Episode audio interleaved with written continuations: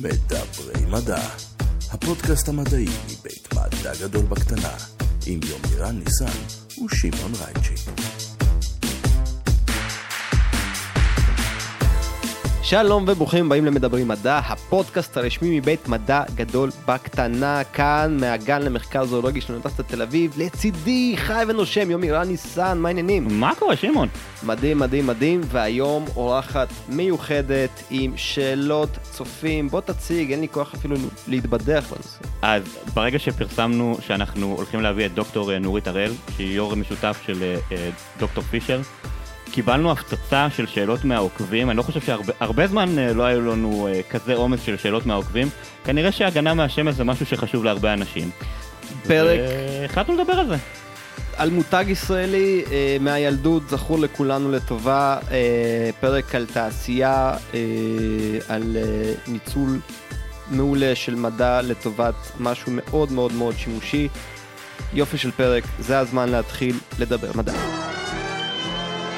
דוקטור נורית הראל, ברוכה הבאה לפודקאסט שלנו, מה שלומך? מצוין, כיף להיות פה.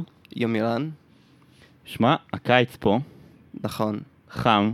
ותראה את מי הבאנו. זה לגמרי, כן. תקשיב, סופש האחרון הייתי בתמנע, וחשבתי שאני נצלה, אבל לשמחתי אני לא יכול להישרף. כאילו, נראה לי שאולי זה קרה פעם אחת בחיי, אבל כל, כל, כל האחרים כן נשרפו.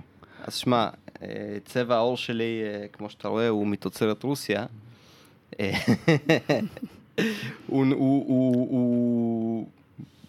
מיותר לדבר על זה שהשם דוקטור פישר ואני חברים מאוד מאוד טובים. אני חושב שבכלל בהוויה הישראלית שלנו יש, יש ריח של אולטרסול שגורם לך לחשוב על ים. הייתי הרבה זמן בצופי ים, ואולטרסול שם הלך מאוד חזק, ויש לי, אה, אני, אני לא יודע, את, את בטח שמעת את זה מעוד אנשים, שאולטרסול, הריח שלו הוא ריח של ים. אחד הדברים שאחד הסופרים בארץ כתב, והתרגשתי, קראתי פשוט את הספר, שהוא כתב שהילד הלך לאיבוד בים, ולא ידע מי זאת אימא שלו, כי כולם הריחו מאולטרסול.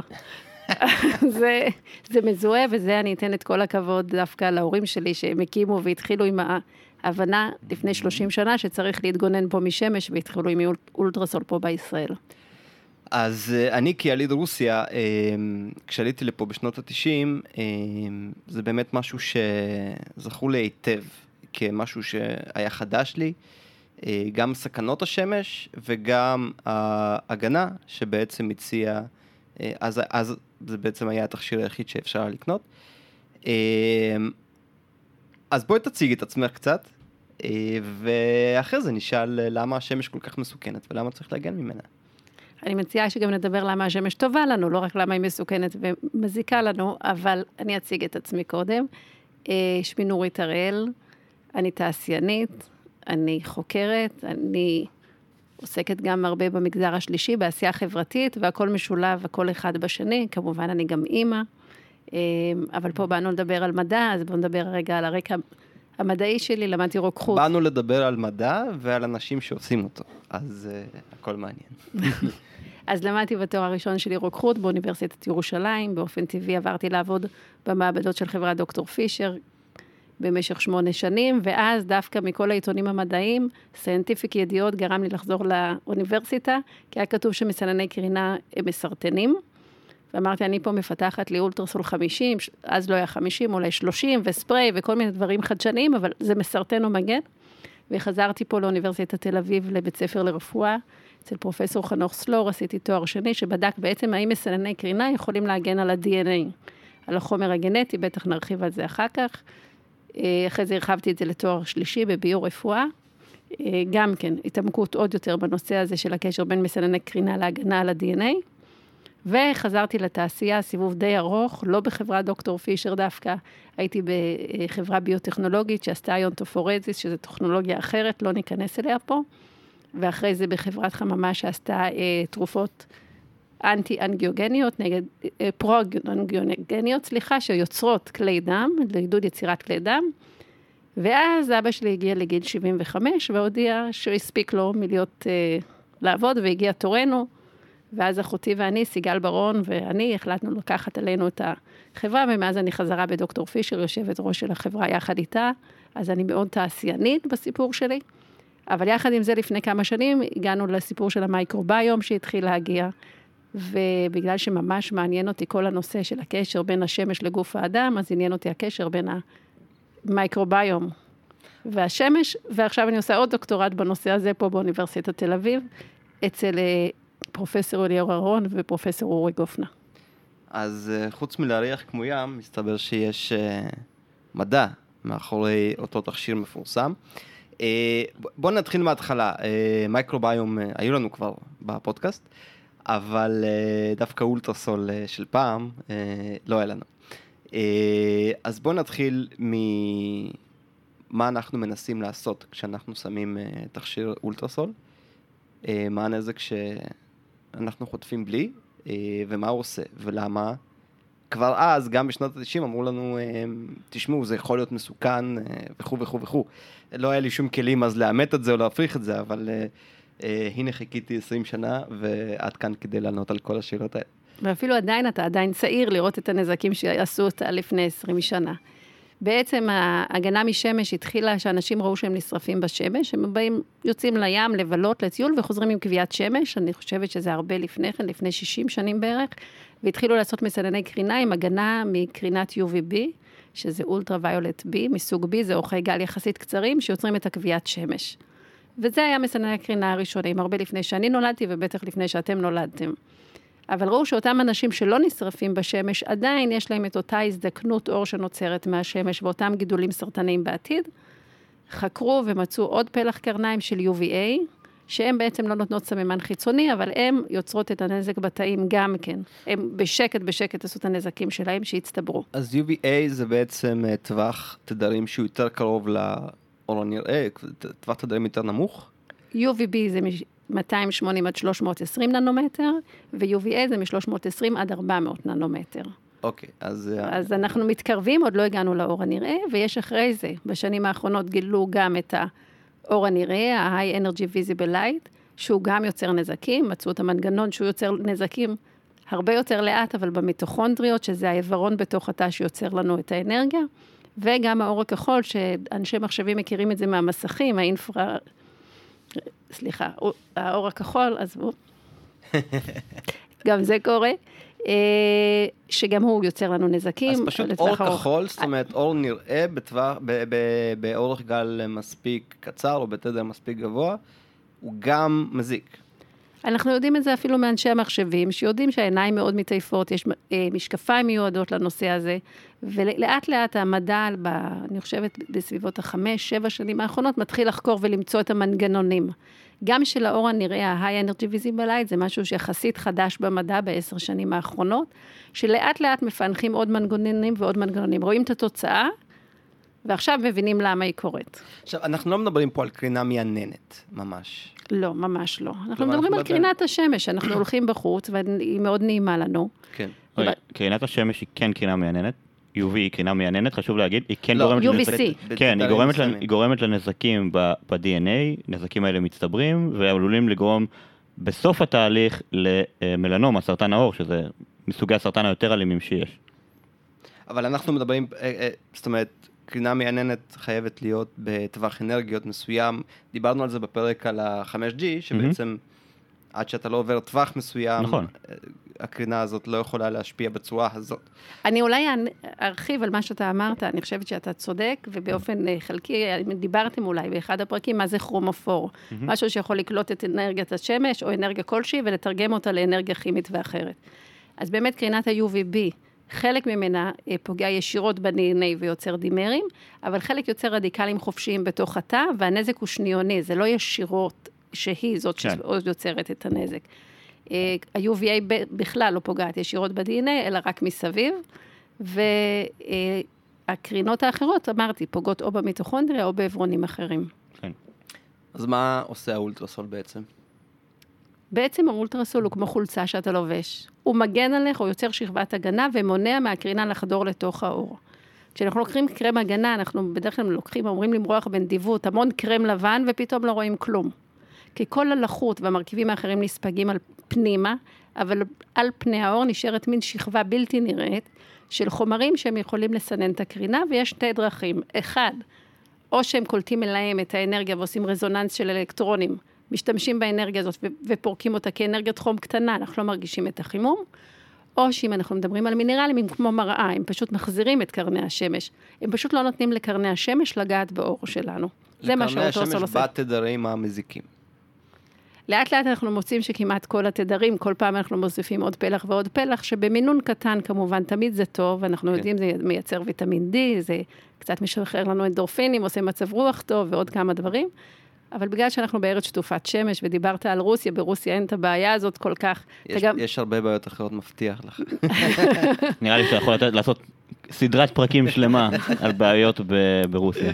אני אקשיב, כי אני לא מכירה אותן, אבל אנחנו, אם נסתכל, אני דווקא רוצה רגע כן לגעת בזה, אם נסתכל על נשים ברוסיה, מבוגרות, יש להן הרבה פחות כתמים על העור וקמטים, ופחות סובלות ממלנומה מאשר אנשים בישראל. כי פה אנחנו בארץ שטופת שמש, ולכן מספיק שמש יש לנו כשיצאנו לאוטו והלכנו לסופר או למכולת, לא צריך עוד שמש. להפך, אנחנו צריכים לסנן כדי לקבל פחות קרינה, כדי שיהיה לנו פחות הזדקנות ופחות קמטים. מצד שני גם, את יודעת, זה באופן אבסורדי למה שאת אומרת, חלק אדיר מהאנשים בישראל סובלים מ... או מאובחנים עם, עם חוסר בוויטמין D. זאת אומרת, הם, הם לא מספיק עדיין מקבלים מספיק שמש כדי שהגוף שלהם ייצר באופן טבעי את הכמויות הנדרשות, הנורמליות. בארץ? כן, כן, בישראל. אפילו, אפילו אני, כן, הנה מידע רפואי סודי, אפילו אני יש לי מחסור מוויטמין D ואני צריך לקחת תוסף. טוב, תשמע, אתה מבלה במערות כל היום. עם ה- אני בשמש המון, המון. אני רוצה לומר לך שמספיק לך עשר דקות בשמש. אני, אני יודע... אבל באמת בדילמה הזאת התלבטנו, ולפני, יש לנו אה, שולחן עגול שאנחנו עושים עם אנשי אקדמיה, רפואה, אה, רגולציה ותעשייה, ובדיוק סביב הוויטמין D, המחסור הזה, אמרתי, איך יכול להיות פתאום שחצי מדינת ישראל חסר לה ויטמין D? זה לא הגיוני הרי, נכון? ואם אנחנו אשמים, כמו שהסיינטיפיק ידיעות מקודם החזיר אותי לאוניברסיטה, אמרתי, אם אנחנו אשמים, אנחנו צריכים לשנות בזה משהו.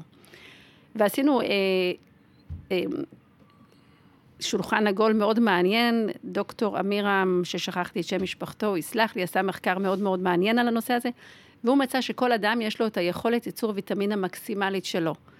אז המחסור הזה הוא קיים, אבל הוא לא יעזור לך שתהיה שלוש שעות בשמש. העשר דקות הראשונות מייצרות, ואחרי זה אתה מתחיל לצבור את הנזקים, אז חבל. עוד מיתוס שישר ברגע שאני חושב על אולטרסול אני חושב עליו, הוא שמעל מספר מסוים, שאגב, הנה שאלה נפרדת, מה אומר המספר באולטרסול, אה, זה מסוכן. זה בזמנו אמרו, זה מסרטן, זה מזיק. אה, מהי האמת, או אולי מה היה אה, נכון אז, מה גיליתם ובמה השתפרתם. אני חושב שאולי כדאי להגדיר את זה טיפה אחרת, מה זה SPF, מה המספר הזה אומר בעצם, ומשם נתקדם. אני מת עליך כשאתה מדעי ו... זה מדויק, ומדויק. כן. אז בואו נתחיל עם SPF. SPF ב- זה קיצור של Sun Protection Factor, מקדם הגנה משמש בעברית, וזה כמות הקרינה מסוג UVB בלבד, לא מהסוגים האחרים, רק UVB, שתכשיר ההגנה מסנן. ואיך- ל- למה UVB? כי זה בעצם מה שסביבו התפתחה התעשייה. וזה, שם התפתחה התעשייה. וזה נהיה כאילו מין... זה רק תכונה אחת, כשאנחנו מדברים על קרם הגנה משמש, אנחנו צריכים המון תכונות, שיהיה כן. לו אחת מהן שהוא יסנן את ה-UVB, SPF גבוה, השנייה שיהיה לו הגנה מ-UVA, השלישית שיהיה לו לחות, אנחנו יכולים SPF זה, אז אז זה מה שפשוט כותבים על האריזות. SPF זה מה שהקהל רואה, הוא רואה מספרים 30, 50, 20, הוא מבין שיש פה משהו יותר חזק או יותר חלש. Mm-hmm. קצת קשה, זה קצת uh, כמו גברת, גם הופעה, גם יפה, כן. גם רצה, גם לומדת, גם עושה הכל. אז בוחרים תכונה אחת ומוכרים אותה דרך התכונה הזאת. אז uh, SPF, Sun Protection Factor, זה בעצם אומר כמה קרניים יעברו בכל רגע נתון ויפגעו לנו בגוף. זאת אומרת, עם SPF 30, תחשבו שזה כמו איזה מסננת, שאחת מתוך 30 קרניים תפגע לכם בגוף. 29 יעצרו, אחת תעבור. כלומר בעצם, 50 זה אחת תעבור, 49 יעצרו. זאת אומרת, המספר הזה בעצם כאילו נקרא לזה, אה, אולי סבבה מבחינה שיווקית, אבל מבחינה, נקרא לזה מדעי, הוא אמור להיות אחד חלקי משהו, זאת אומרת, מבחינת מה שאמור להיות שם. כן. מבחינה מדעית, איך שעושים את זה, לוקחים כן. מתנדבים, בואו נדבר רגע מדע, כי אנחנו במדברי מדע ופה אה, נדבר מקצועית. לוקחים מתנדבים ומחלקים להם את הגב לריבועים, ריבועים, ריבועים. מורחים להם את קרם ההגנה בנדיבות, 2 מיליגרם לסנטימטר מרובע, שזה כמות מאוד גדולה יחסית, ומקרינים אותם בקרינת UVB. חלק מהריבועים עם קרם הגנה וחלק בלי קרם הגנה. ובודקים תוך כמה זמן מופיעה אדמומית ראשונה, וקוראים לזה מינימל אריתמה דוז, המנה המינימלית שיוצרת אריתמה. ובוא נניח שבמקום שלא היה מוגן, הופיע להם אדמומית אחרי עשר דקות, ובמקום המוגן לקח כמה שעות, נגיד 500 דקות, אז עושים 500 חלקי 10, 50. כן. אבל בכל רגע נתון ונתון, הם קיבלו 1 חלקי 50 מהקרינה, או 1 חלקי 30 מהקרינה, וזה מצטבר. יש אנשים שנוטים לטעות ואומרים, אוקיי, אז אני אשרף פי, ייקח לי פי 50 או פי 30 זמן להישרף. אז בעצם למה לי לקחת 50? כי אני לא אהיה פי 30 מהזמן הטבעי שלי. אבל בכל רגע נתון, פוגעות בך יותר קרניים ויוצרות את הנזק. אה, ומה עם אה, מים? אה, אותו, שוב, מיתוס שאומר, או לא יודע, מיתוס, זה היה כתוב לאריזות של... עמיד במים. עמיד במים למשך שעתיים. נכון, גם את זה בודקים בצורה מדעית, שוב פעם, אין, זה לא אמירות אה, בעלמא. פשוט אותם מתנדבים שמרחנו להם קודם את הגב ריבועים ריבועים, מכניסים אותם לג'קוזי ל-20 דקות, מוציאים, מכניסים, מוציאים בצורה מצטברת, שעתיים או ארבע שעות או מה שכתוב, ובודקים שוב פעם מתי נוצרת האדמומית הראשונה. ואם עדיין זה נשאר פי 50 זמן, אז עדיין מקדם ההגנה יישאר 50. שפה יש איזו נקודה נחמדה שגם ראיתי שהתייחסו אליה בשאלות. אה, העמידות במים היא שונה, הרגולציה באירופה ובישראל. בישראל, בגלל שהיא ארץ כל כך שטופת שמש, משרד הבריאות מחמיר יותר ודורש עמידות במים גבוהה יותר. ולכן, אם תראו הרבה מוצרים שמיובאים מאירופה, אז יש עליהם את ה-SPF, אבל העמידות במים מחוקה. זה לא שזה לא עמיד, זה עמיד במים לפי הרגולציה האירופאית, אבל היא יותר מקלה, והיא מאפשרת שזה ירד המספר תוך ד, כדי. דיברת על זה חצה. שזה, אגב, ג'קוזי. ג'קוזי זה מים אה, אה, מתוקים וחמים. עכשיו, רוב האנשים, ואני מניח, אה, אתה יודע, באופן אה, כללי, זה יהיו אנשים שהולכים לים, וזה מי מלח בטמפרטורה הרבה יותר נמוכה לרוב, אז אה, האם אתם בודקים גם את זה? זאת אומרת, מכניסים אנשים ל- לים, פנימה החוצה ו... אחד, אני לא בטוחה ולא זוכרת באיזה טמפרטורה הג'קוזי שלהם, אבל לא חייב להיות חם. כן. אני, זה במעבדות ניסוי כבר ראיתי הרבה דברים וכל מיני דברים אחרים. אבל לא, אנחנו לא בודקים את זה ישירות במי ים גם כן, אלא בודקים את זה בשיטות שמקובלות על ידי הרשויות. באמת, הרשויות כאילו הגדירו מים מתוקים ולא אה, מי ים, סתם כאילו, האמת, אה, זה מעניין אותי כאילו מבחינת רשות. האמת שהם הגדירו מים, הם לא אמרו איזה מים. אוקיי. הם לא הגדירו איזה מים, הם אמרו מים. אני מניחה שאם נשים מי ים, זה לא יהיה להם התנגדות. זה גם יעבור. תיאורטית, בואו נחשוב רגע מבחינה מדעית, סביר להניח דווקא שאם זה חם, זה יותר מהר ירד מהאור מאשר במים קרים. והמלח, אני לא חושבת שיש לו השפעה לפי המבנה, אם נסתכל על המבנה המולקולרי, גם של המסננים הכימיקליים וגם הטבעיים. לא חושבת שזה יזרז את זה מבחינה תיאורטית, אבל שאלה מצוינת. לא, אז סתם כאילו עניין אותי, כי... שאלה מצוינת. אז, כאילו אז אני חייב לשאול, אה, יש המון שאלות מה, מהמאזינים, אבל אה, אותי פשוט מעניין לדעת, אה, מה יש בו באולטרסול, לפחות ברמת מה שאת יכולה לספר לנו. אני יכולה לספר לכם הכל כמעט, זה כתוב על האריזות. בסדר, אבל אה, תני לנו את ה insight. כתוב גם SPF 50, אנחנו... עכשיו אתם יודעים מה נכון. מה, אה, מה הסוד? זאת אומרת, מה באולטרסול, אה, מה יש באותם חלקיקים שקופים שמונע אה, קרינת UV? אני יודע שזכוכית מסננת קרינת UV טוב. אבל... זכוכית מסננת דרך אגב UVB, אבל מעבירה את כל ה-UVA. זכוכית, אוקיי, אבל, אני, פעם אחרונה. שאני סומך על מה שזכוכית אומרת לי. לא, לא, יש זכוכיות שהן גם מצופות בעוד סיפור שמסנן את הכל, אבל אם תיקח זכוכית נטו, אז זה יהיה רק אה, UVB. ומה יש בתכשירי הגנה נגד שמש?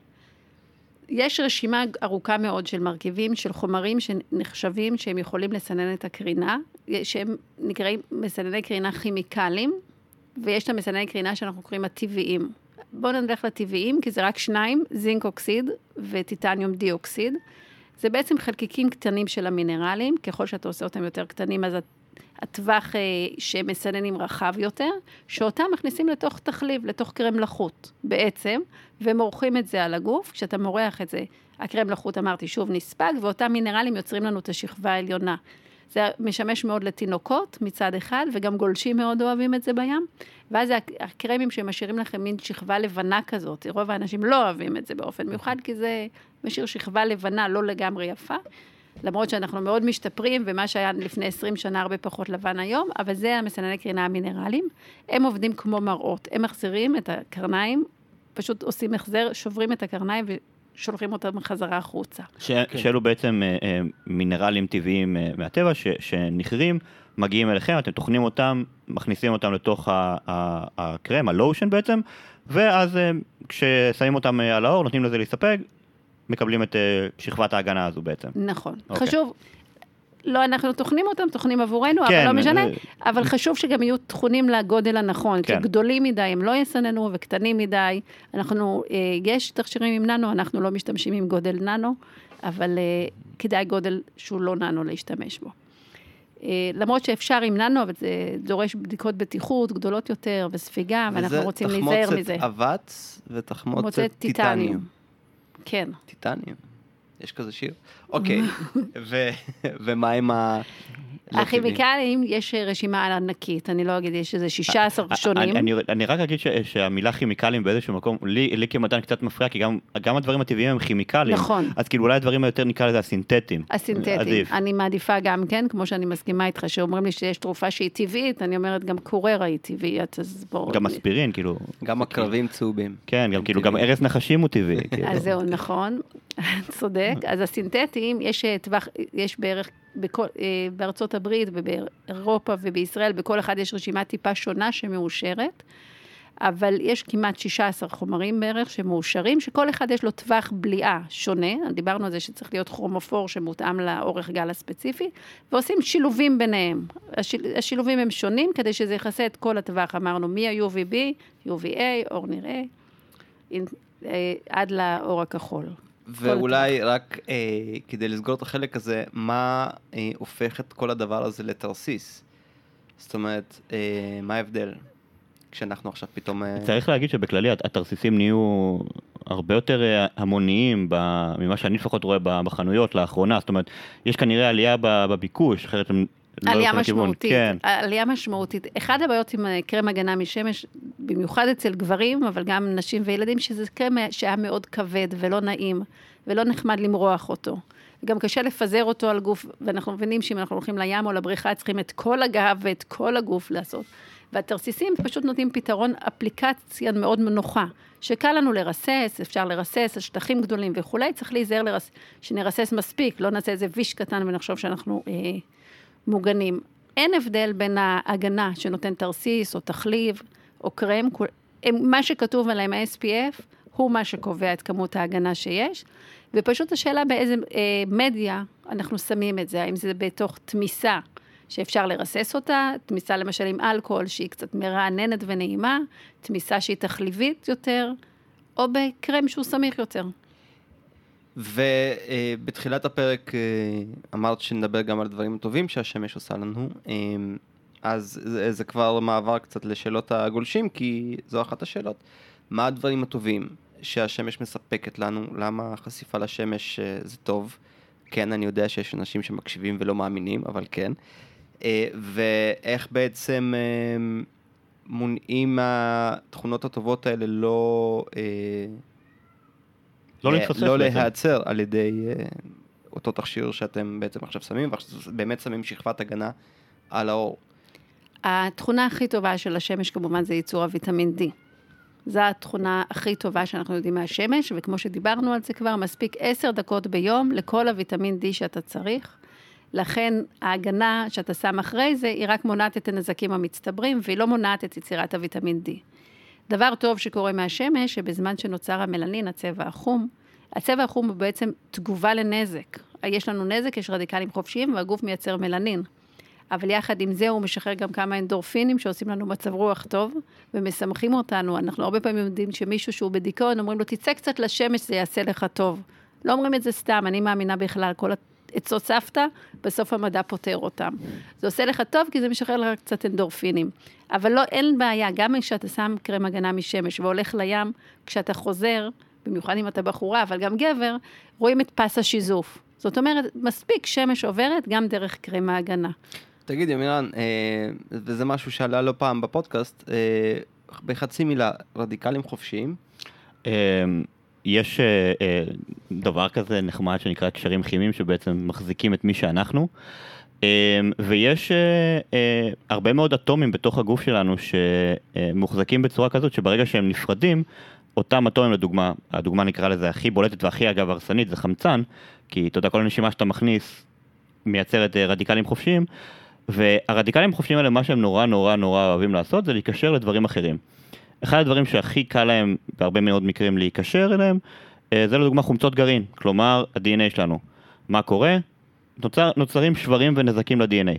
לגוף שלנו יש הרבה מאוד מנגנונים סופר מתוחכמים שהתפתחו לאורך הרבה מאוד אה, אה, מיליוני שנות אבולוציה, אה, הם גם מאוד שמורים אבולוציונית, כדי לתקן את הנזקים האלה. אממה, בסופו של דבר הנזקים האלה מצטברים. אה, בגלל זה כשאמרתי אגב, כשאנחנו נושמים, מכניסים חמצן, החמצן מתפרק, ה-O2 מתפרק בעצם לשני O, כל אחד מה-O האלה הוא רדיקל חופשי בפני עצמו, והוא מחפש למה להיקשר, הוא נקשר למשהו, יוצר נזקים, ואז בעצם כשאנחנו אנחנו נושמים הרבה, לאורך החיים שלנו, אנחנו, אתה ממש רואה את התהליכים של הנזקים של ההזדקנות כתוצאה מהפעילות של אותם רדיקלים אה, חופשיים, כמו אה, קמטים, כפלים, כל הדברים שאנשים מכירים כשהם מזדקנים בחייהם. אז אה, הדבר הבא שצריך לעבוד עליו זה הגנה מפני חמצן. יש לנו רדיקלים חופשיים קודם. חמצן שאנחנו נושמים, לגוף יש מספיק מערכות, תודה לאל, לטפל בהם. בריאות ואנחנו בסדר. כדי לאפשר לנו, אה, זה לא רק בריאות, זה בכל תאי הגוף שלנו שמקבלים חמצן. הכוונה, החמצן שאנחנו נושמים, כאילו, אתה יודע, זה בסופו של דבר, הגוף שלנו בנוי לשרוד איתו הרבה מאוד שנים. כלומר, אנחנו מגיעים לגילאים היום מאוד מופלגים של אה, 80-90 די כ- כממוצע. כלומר, צריך, צריך טוב. לקחת את הדברים בערבון מוגבל ולהבין שנזק והזדקנות הם תהליכים טבעיים, שאנחנו גם פשוט חלק מה, מהקיום שלנו כאן, זה לגמרי ככה, אתה יודע, אה, תחשוב, כאילו, חלק מהאוכל שלך יוצר את זה גם. זה- זה ויום יבוא ובעוד 200 אה, אלף שנה גם יום איראן יזדקן, ואז הוא יהיה עטלף זקן, שחכם, שכל העטלפים באים אליו לעצות והוא יקום מתוך ארון הקבורה. סתם, לא, אני... איך הגענו לעטלפים בפרק על כאילו חיית לילה, איך הגענו אליה לדבר בפרק על שמש? אבל אם נדבר על רדיקלים חופשיים, אני רק רוצה להוסיף, ושכולנו נזדקן ויהיה רע, אז אה, אני לא, לא, הז- לא, אני לא. הזקנה פה בחבורה, נזדקן, נכון. אבל אנחנו יכולים להאט את- להאט את ההזדקנות שלנו, ואנחנו יכולים למנוע חלק מהנזקים. בטח שהנזקים שהרדיקלים החופשיים שעושה השמש, אנחנו יכולים אה, לעצור אותם, ואחד הדברים שאני חושבת שיעניין דווקא את יומירן, שיש אנטי אוקסידנטים, חומרים נוגדי חמצון בקרם הגנה משמש, אבל הרי הוא לא חודר לשכבות העמוקות של האור. אז למה שמים אותם שם? ויש מחקרים מאוד מעניינים שמראים שברגע שיש בשכבות העליונות את הנוגדי חמצון האלה, את מה שמנטרל את הרדיקלים החופשיים שתיארת כל כך טוב עכשיו, בשכבות העליונות זה משאיר לשכבות התחתונות את הנוגדי חמצון האנדוגנים של הגוף לעבוד שם. וככה אנחנו מפחיתים את כל הנזקים לכל האורך. נתנו קצת עזרה למעלה, אבל נתנו אפשרות לפעול למטה בצורה מצוינת. אז השיחה הזאת על הזדקנות של אה, אור בעצם מובילה אותי לשאלת אה, המאזינים הבאה, וזה מה ההבדל בין הגנה על אור צעיר, אור של תינוק, אה, לעומת אור של אדם אה, מבוגר.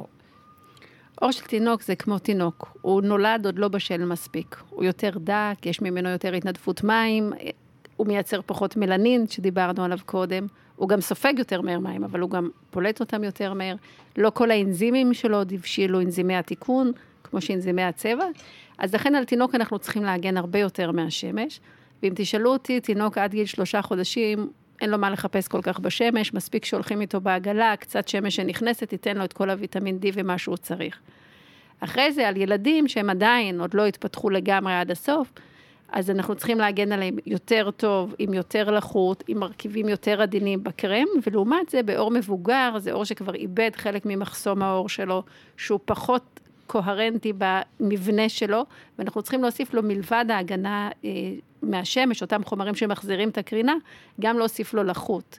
כי אני מתארת לעצמי שאתם יודעים שכשתא, כשאין בו לחות, לאנזימים ולכל המרכיבים שלו, קשה מאוד לזוז בתוכו, הם לא יכולים לתפקד טוב. אז התוספת לחות או לשתות מים, זה לא אמירה סתמית, זה אמירה משמעותית לאפשר תפקוד טוב יותר של כל הגוף. הבלאגן הזה זה כי יצאנו מהים. איזו טעות זו הייתה. בסדר, בגלל זה יש חלק מהיצורים שחזרו. זה כל כך סיבך את הכל. כן, תראה את הלוויתן הגדול, מה מה לו בחיים? אה, השאלות לא נפסקות. אה, יש פה שאלה של האם יש דרך אה, תרופתית להשפיע על רגישות לשמש, או לחלופין, האם יש קשר בין תרופות מסוימות לתופעות שקשורות לשמש. יש תרופות, יש לי פה רשימה ענקית, לא נקריא אותה, של תרופות שהן גורמות לפוטוסנסיטיביות. מה הכוונה לפוטוסנסיטיביות? לרגישות לשמש. כשאנחנו נחשפים למנה רגילה של שמש, פתאום יש לנו כוויית שמש או שלפוחיות או גרד, כי לקחנו את התרופה. בעצם אותה תרופה היא יש לה שתי אפשרויות, או שהיא בעצמה הכרומופור שקולט את האנרגיה של השמש וגורם לנו לרגישות, אז אם אנחנו נפסיק לקחת אותה אחרי כמה ימים זה יעבור, זה מנגנון ישיר, ויש את המנגנון העקיף שמפעילות את מערכת החיסון, ואז זה אלרגיה לשמש, יש פוטואלרגיה, שאנחנו נראה את האלרגיה מתפת... מתפתחת ונמשכת. הרבה מהתרופות להורדת לחץ דם, הרבה מהתרופות המשתנות, הרבה תרופות שאנחנו מכירים ביום-יום, הן מעלות את הרגישות שלנו לשמש, ואנחנו צריכים להיות ערים לזה. אני, ש... אני חושב שבישראל התקופ, התרופה אולי הכי מוכרת, לפחות uh, בקרב הקהל הצעיר, זה, זה רקוטן, שאחראית בעצם להעלמה של uh, אקנה ממש קשה. והיא ידועה כי, זאת אומרת, בתיכון כשהייתי והרבה אה, חבר'ה סביבי אה, נטלו אותה, אז תמיד נטלו אותה, אה, אתה יודע, בחודשים נובמבר עד פברואר, שהשמש בישראל היא הכי חלשה. נכון שאנחנו מדברים פה על ישראל ועדיין יש שמש בתקופה הזו, אבל משמעותית פחות, נגיד מעכשיו, שאנחנו בסוף חודש אפריל. כלומר, עדיף להשתמש בקרם הגנה אם אתם נותנים את התרופה הזאת. למשל, עוד תרופה שהרבה מכירים זה גלולות למניעת הריון. שמופיעים לבחורות שלוקחות אותם כתמים, כמו כתמים אחרי לידה, כי הן מעודדות ייצור מלנין בצורה לא אחידה. אז גם אותם, כשלוקחים, אנחנו נרצה להגן יותר מהשמש לאורך... זה אי אפשר בחורף, אז לאורך כל השנה. לאורך כל השנה, כן. אני רק רוצה משהו מאוד uh, חשוב, כי זה חזר גם בשאלות, וגם פנו אליי לא מעט. איך צריך למרוח את קרם ההגנה כראוי? אני חושב שזו שאלה שפשוט חזרה המון המון פעמים. זו שאלה נהדרת, וגם אם תיכנסו למאמרים מדעיים, יש המון מחקרים בנושא מה אנשים עושים. כי משרדי הבריאות בעולם החליטו על השני מיליגרם לסנטימטר מרובע, שזה משהו לא ריאלי, זה בערך שתיקחו בקבוק אולטרסול ותגמרו אותו בארבעה ביקורים בים, זה לא יקרה. והסיבה שהם נשארים צמודים לכמות הלא הגיונית הזאת, כי אז התוצאות בניסויים הן אדירות. אם הם יורידו את הכמות, זה יתחיל להתנדנד. הרעיון הוא למרוח בנדיבות, והרעיון הוא למרוח כל שעתיים. ויש גם מחקרים מדעיים מראים שבן אדם מחליט שהוא מקדיש קצת יותר זמן למריחה, הוא מורח יותר טוב. מחקר אחר נחמד מדעי שגם התפרסם, שאם שמים את קרם ההגנה ב- לילדים בייחוד, למשפחות צעירות, ליד המשחת שיניים, ואומרים שזה חלק משגרת הבוקר, הם מורחים ב-20% יותר טוב את הקרם. אבל הנכון זה למרוח בנדיבות ולחדש כל שעתיים. עד, עד, עד, עד בעצם היעלמות של אותה משחה או תרסיס או מה שלא יהיה? תראה, אם אתה רוצה ללכת כמו איש הקרח ולהיות כולך לבן, זה לא יהיה רע. לפעמים אתה רואה את זה. אבל לא צריך את זה, לא צריך את זה. רק עוד דבר יותר חשוב, מה, ש, מה שאמרת, אם אתה הולך להיכנס למים, אז כן, עד שיעלמות, שהוא נספג, ואפילו לחכות עשר דקות, כדי שאותה שכבה הבלתי נראית, אבל תתבסס ותיקשר טוב ותיצור לנו מין אה, שכבת מגן אחידה, שבמים היא לא תתפרק ישר. אם אתה נכנס עם ה... כשאתה עוד לבן, אז זה בעצם בתוך תחליב, תחליב זה שמן ומים, זה יתבוסס במים ולא ישמור עליך כל כך טוב.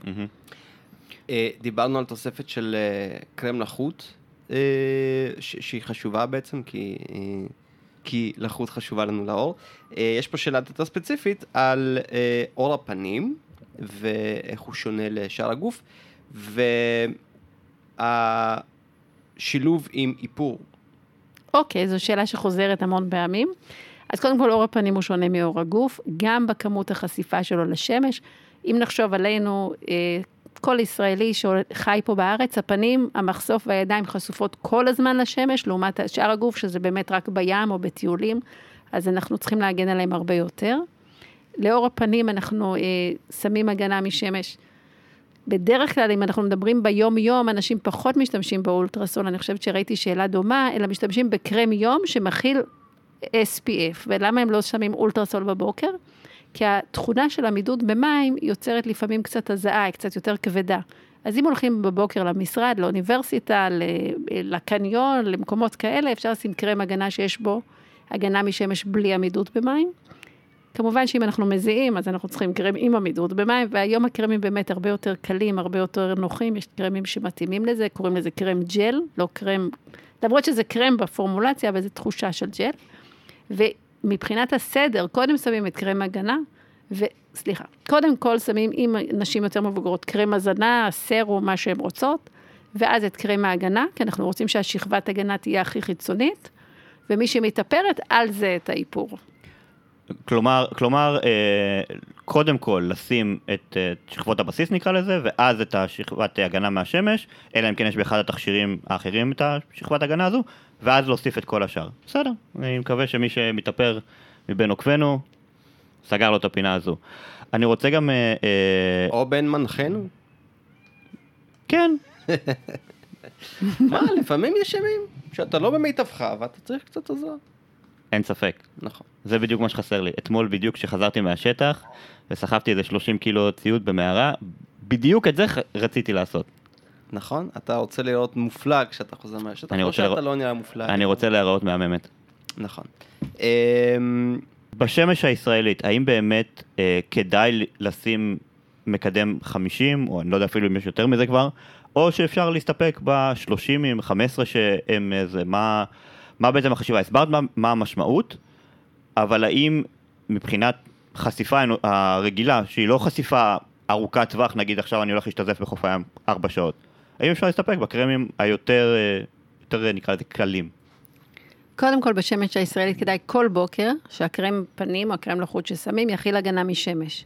כי אנחנו צוברים את זה וצוברים וצוברים, ואני ככה על עצמי אספר, שהייתי בת 16, היה באופנה להשתזף בחוף הים, היינו שוכבים ככה בשמש, וזה היה התחלת החיים של אולטרסול, היה 6, 8 ו-15, הלכתי עם 15, כולם צחקו עליי שאני חנונית, אבל מזל, השתזפתי גם עם זה. ואז אבא שלי אמר לי, כשאת תהיי בגיל 40, שיהיו לך קמטים, את תתחרטי.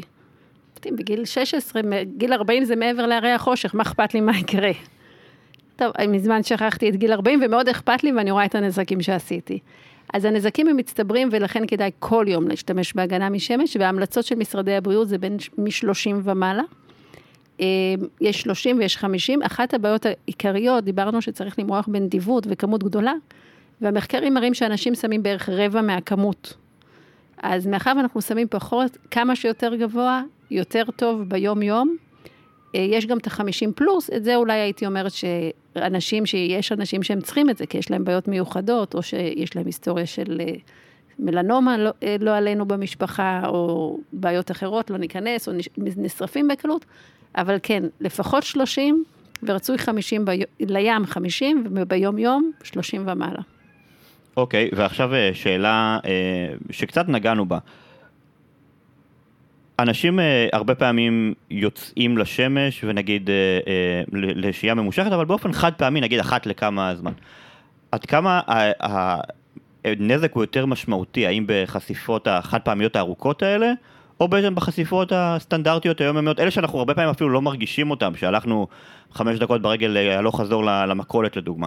ככה, אשר, אה, קודם כל החשיפה הראשונה בק- בקיץ, בתחילת הקיץ לשמש, שוב אני חוזרת לסבתות שאמרו לעשות שיזוף הדרגתי. והסיבה היא הנכונה המדעית שיש up regulation או עלייה בכמות האנזימים של התיקון נזקי קרינה. כשאנחנו אחרי החורף הם מאוד נמוכים ואז הם עולים. אותו דבר הצבע החום, אנחנו יודעים שבחורף אנחנו בהירים ואי אפשר להשתזף בפעם אחת. אז נכון להתחיל את החשיפה בהדרגתיות. יש מחקר שהראה שאם מקבלים אה, תשע כוויות שמש, אבל רציניות כאלה עם שלפוחיות, זה מעלה בערך פי אה, עשר את הסיכוי לסרטן עור בעתיד. זאת אומרת, אתה שואל אותי על חשיפות חד פעמיות מטורפות, רע מאוד. לא כדאי להישרף פעם ב... זה לא טוב, וברור שגם הנזק המצטבר הוא לא טוב, אז אם אני שמה את זה על לשון המאזניים, קשה לי לשקול מה יותר גרוע.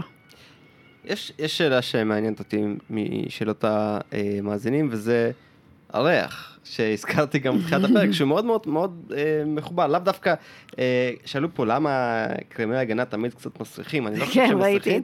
אה, אבל אה, אני חייב מ- להבין- מאיפה הריח הייחודי הזה? מה- אני חייב מה- להגיד מה שאני? יכול להבין למה חלק מה... אתה יודע, זה כמו אבוקדו, יש כאלה שממש אוהבים, יש כאלה שלא סובלים את זה, אבל כמעט ואין לך באמצע, אז נראה לי שכאילו יש לך את אלה שהריח הוא טוב להם, ויש כאלה שהריח הוא כאילו נוראי להם, ואז כזה, מה זה הריח הזה? מה? אני פתח קרם הגנה. ריח של מה? זו השאלה. כן, ריח של מה? מה מריח? תראו, יש לנו גם אפילו קרמי הגנה ללא ריח, ואז מריחים את הריח האופייני של החומרי גלם, שזה ריחות אופייניים שיש כאלה שכמו שאמרת, יאהבו או לא יאהבו, אבל היום יש מגוון, יש בריח מלון ויש בריח אה, האופייני של אולטרסול שאתה זוכר מהילדות ויש ריחות חדשים.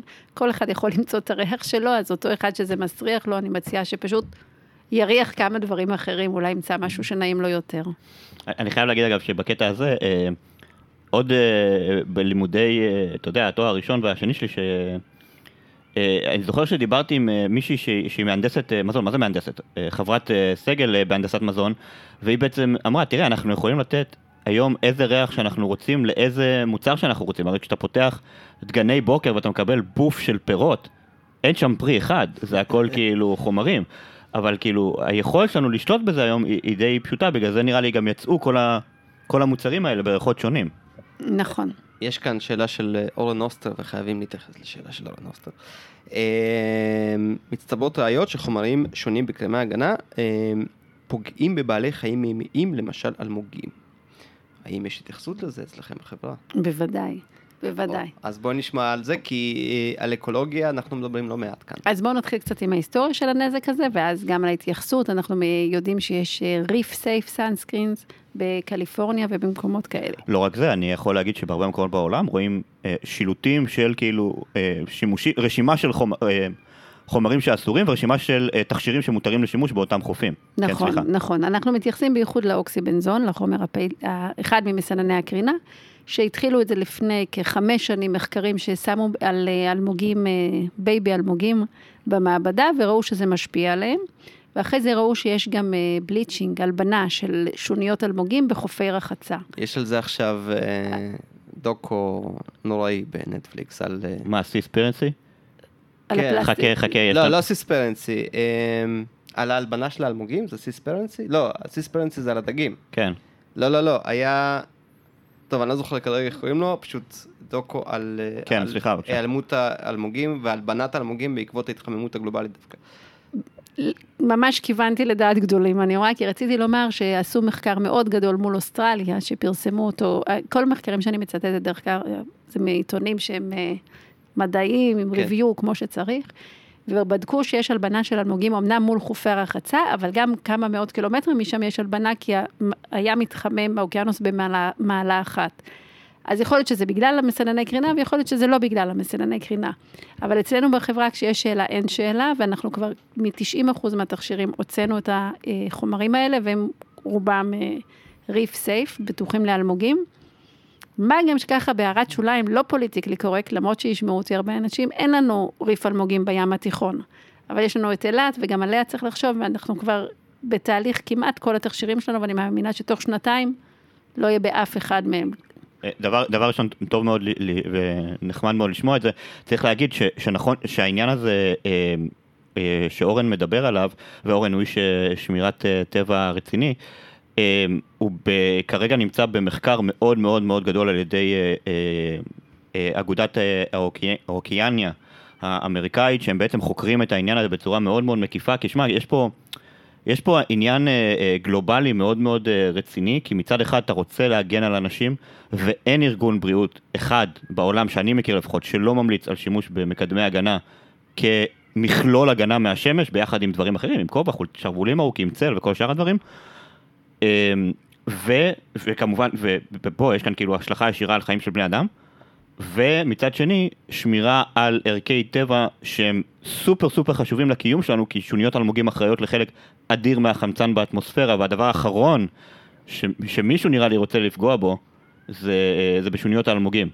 אמ, אני מסכימה איתך לגמרי, לכן כשיש ספק, אין ספק, ואנחנו פשוט מוציאים אותם מהתכשירים שלנו. אני מניחה, עכשיו זה עוד קצת בדיבייט, בטח לא, לא, תוך זה, זה, כמה זה שנים זה לגמרי, יהיה ברור. זה, במקרה אתמול קראתי על זה אה, באתר של הסוכנות הזו, והם אה, בעצמם אה, אה, כותבים שהעניין אה, הועלה כ... אה, נקרא לזה כהשערה מדעית, אה, ויש כמה מחקרים, אה, אה, נקרא לזה לכל כיוון, והם אה, הוציאו כמה גרנטים וקרנות מחקר, שבשנה, שנתיים הקרובות אמורים להתחיל להתפרסם התוצרים של אותם מחקרים, ובהחלט חשוב, אבל טוב גם לשמוע שכבר החלטתם לקחת את הצעד הזה קדימה, אה, וכבר להוציא את זה, אז בעצם במה החלפתם את אותו אוקסי בנזן? קודם הזכרנו שיש רשימה של 16 חומרים, אז אפשר להסתדר בלעדיו, לקחת שילוב אחר פשוט ולהסתדר. הוא מאוד נוח, הוא זול, הוא רחב, הוא אה, קל לשימוש בריכוזים נמוכים, אבל הפורמולטורים שלנו במעבדה עובדים ומתגברים. אה, לכולם יש תחליף, זו, זו הנקודה. אה, שמע, זה, זה שנשאלת לפעמים... שאלה על הפיגמנטציה? רגע, שנייה. ל- ל- הרבה פעמים תחשוב, כאילו, הרבה פעמים אה, בתעשיות מסוימות, לפעמים יש, אתה יודע, קליע זהב. אז אם כאילו לצורך העניין זה היה הקליע זהב היחיד שלהם, אני מניח שהיה הרבה יותר קשה. ברגע שיש 16 אחרים, אז יש משחקים שניתן לעשות, אבל אם לא, היו צריכים סוג של להמציא את הגלגל מחדש, כן. באיזשהו הליך.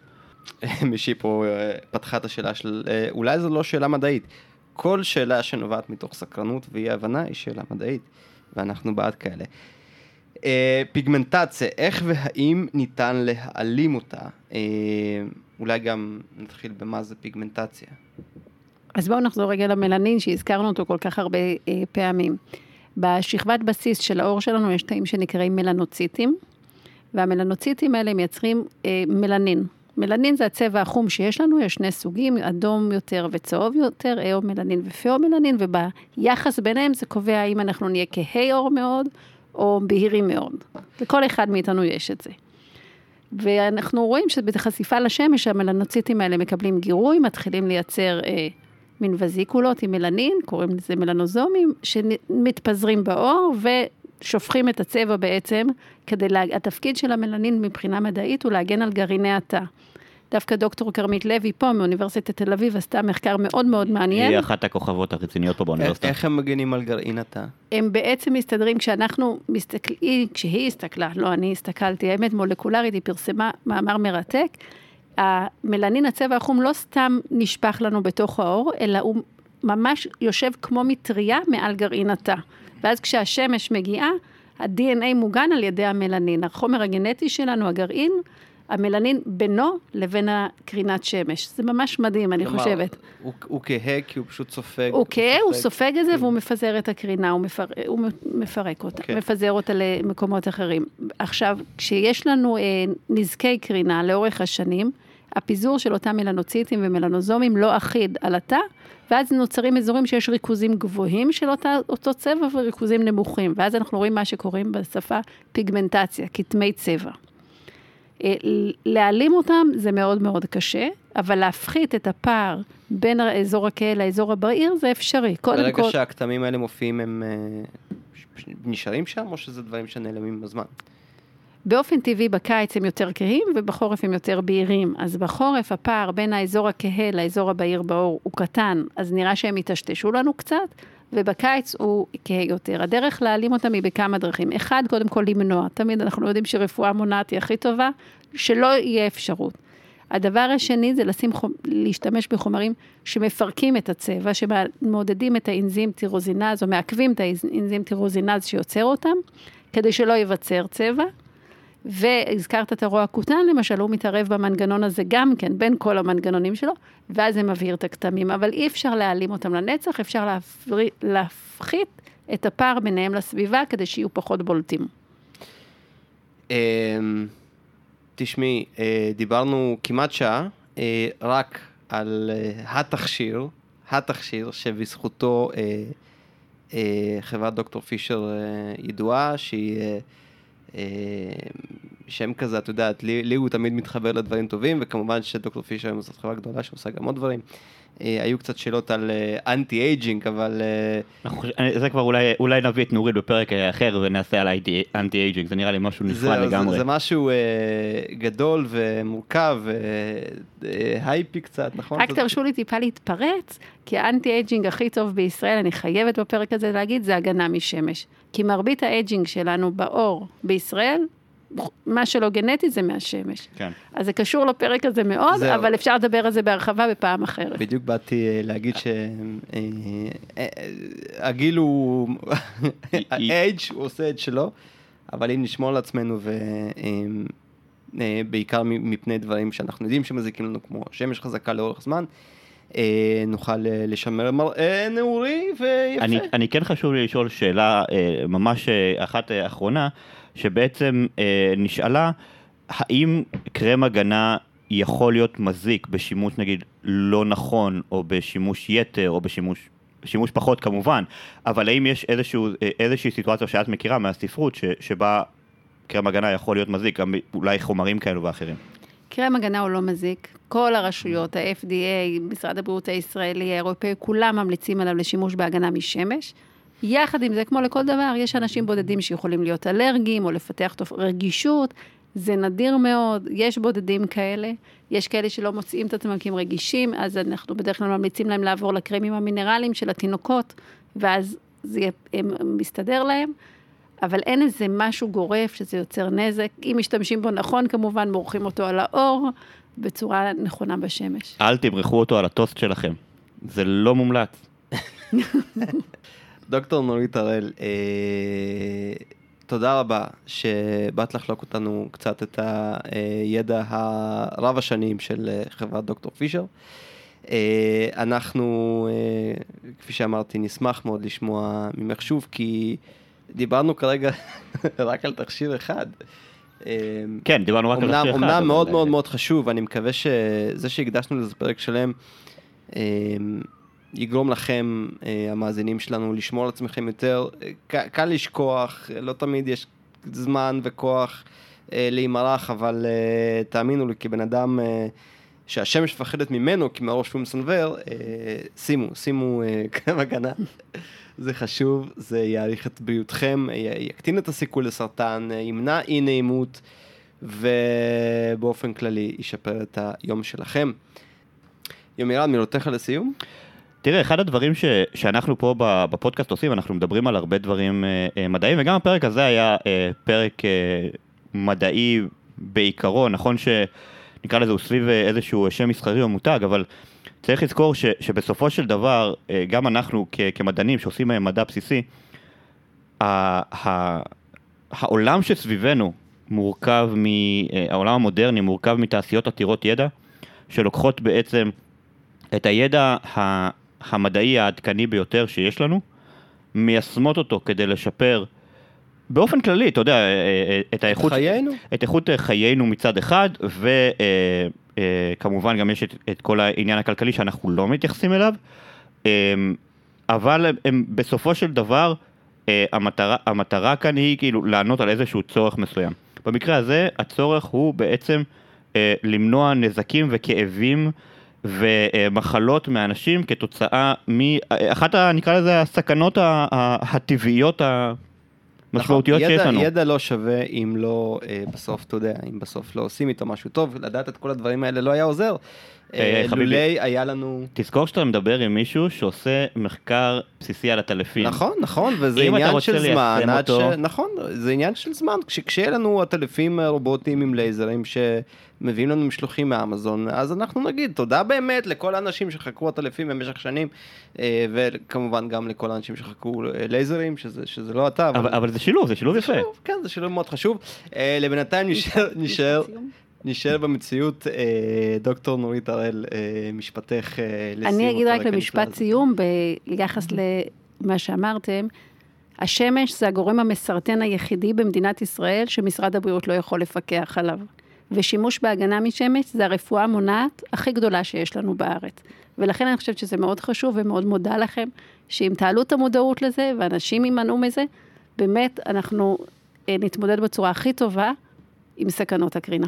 צריך, צריך גם להגיד, ואני חוזר על זה אה, שוב, קרם הגנה, או גם, גם קרם הגנה עם כל החשיבות שלו ש, שדיברנו והיללנו כאן, וכאמור אין ארגון בריאות בעולם שלא ממליץ להשתמש, חייב להיות חלק ממכלול הגנה ביחד עם צל, שרוולים ארוכים, שתייה מספקת של אה, אה, מים, אה, משקפי שמש וכל שאר הדברים שמונעים ומקטינים את אה, כמות ומשך ועוצמת החשיפה לשמש. אין, אין, זה לא, זה חלק מ... נקרא לזה ממערך הוליסטי ולא טיפול יחיד. תודה רבה לכל המשתתפים על ההצצה הזאת לצד הפרקטי של המדע, אה, לצד המעשי מאוד אה, מהיום-יום של כולנו. אנחנו כאן מקווים שאתם, המאזינים שלנו, שומרים על עצמכם, עורכים כל- קרם הגנה. אה, מסכות כבר לא צריך לשים. עם זה סיימנו לבינתיים. בחוץ, בפנים עדיין בחוץ, צריך, בפנים עדיין צריך. דווקא קרם הגנה לא צריך בפנים. בינתיים. בינתיים. אה, אנחנו היינו מדברים מדע, הפודקאסט הרשמי מבית מדע גדול בקטנה. הפרק הבא שלנו כבר בקנה, תעקבו אחרי עמודי הפייסבוק אה, והטוויטר שלנו. אה, כשיש אורחים שאנחנו רוצים להפנות אליהם את השאלות שלכם, זה המקום שבו הם יתפרסמו. אה, כמו כן, תעקבו אחרי הפודקאסט שלנו, כי בנוסף לפרקים עם האורחים, יש לנו גם עכשיו פאנלים סופר מעניינים. נשתמע בשבוע הבא במדברים מדע. עד אז, להתראות.